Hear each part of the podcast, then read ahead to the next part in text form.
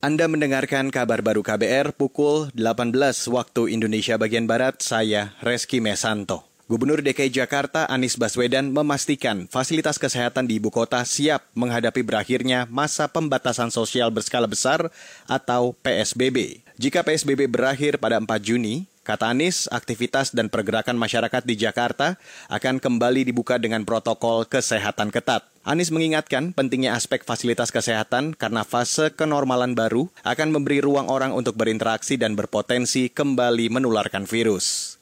Jadi kalau menjelang masa transisi yang harus dicek itu adalah fasilitas kesehatan. Kalau tempat-tempat lain yang mereka alami hanya tambah pengunjung. Kalau fasilitas kesehatan harus bersiap untuk menyembuhkan mereka yang terpapar dan memiliki keluhan kesehatan. Alhamdulillah dari sini nampak bahwa fasilitas kesehatan di Jakarta siap dan insya Allah kita bila nanti ternyata ini adalah penghabisan, kita mulai transisi maka pertahanan terakhirnya sudah disiapkan.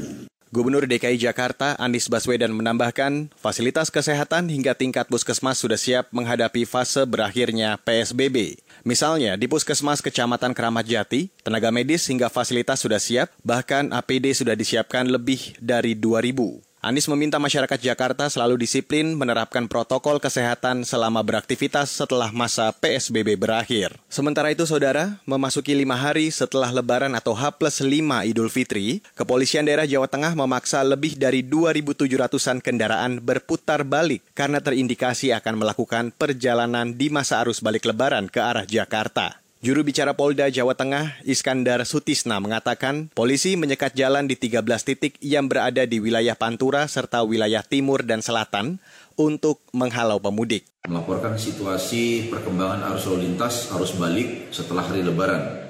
Ini ada upaya dari Polda Jawa Tengah untuk melakukan pencegahan terhadap penyebaran virus corona COVID-19 dan kita ada perbatasan Jawa Tengah dan Jawa Barat.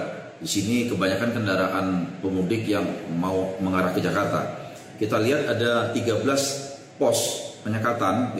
Ini sudah dilakukan tindakan putar balik arah kendaraan pemudik. Juru bicara Polda Jawa Tengah Iskandar mengatakan belasan pos titik penyekatan arus balik berada di jalan raya dan beberapa ruas jalan tol, serta gerbang tol yang terdapat di Jawa Tengah. Pengguna jalan dipaksa putar balik jika tidak memiliki surat izin keluar masuk atau SKIM yang dikeluarkan pemerintah Provinsi DKI Jakarta. Kendaraan paling banyak diputar balik di pintu tol Kalikangkung, Semarang, Jawa Tengah. Saudara Kamar Dagang dan Industri Indonesia atau Kadin mengkritik langkah pemerintah yang tidak menyalurkan bantuan secara merata ke pelaku usaha mikro, kecil, dan menengah. Wakil Ketua Umum Kadin Nita Yudi mengatakan, hingga saat ini masih banyak bantuan langsung tunai yang belum sampai ke tangan pengusaha mikro. Padahal pemerintah sebelumnya telah menyiapkan anggaran bantuan untuk pelaku UMKM dan dunia usaha sekitar 150 triliun rupiah. Kemudian juga kami memberi masukan terus untuk stimulus-stimulus pemerintah, terutama karena ini dunia usaha dan yang paling terkena imbasnya adalah UMKM. Nah ini harus segera juga untuk stimulus-stimulus diimplementasikan lebih cepat karena sampai saat ini masih banyak bantuan langsung tunai ini belum sampai ke teman-teman pengusaha mikro. Wakil Ketua Umum Kadin, Nita Yudi menambahkan, Kadin selalu memantau perkembangan dunia usaha semenjak pandemi COVID-19.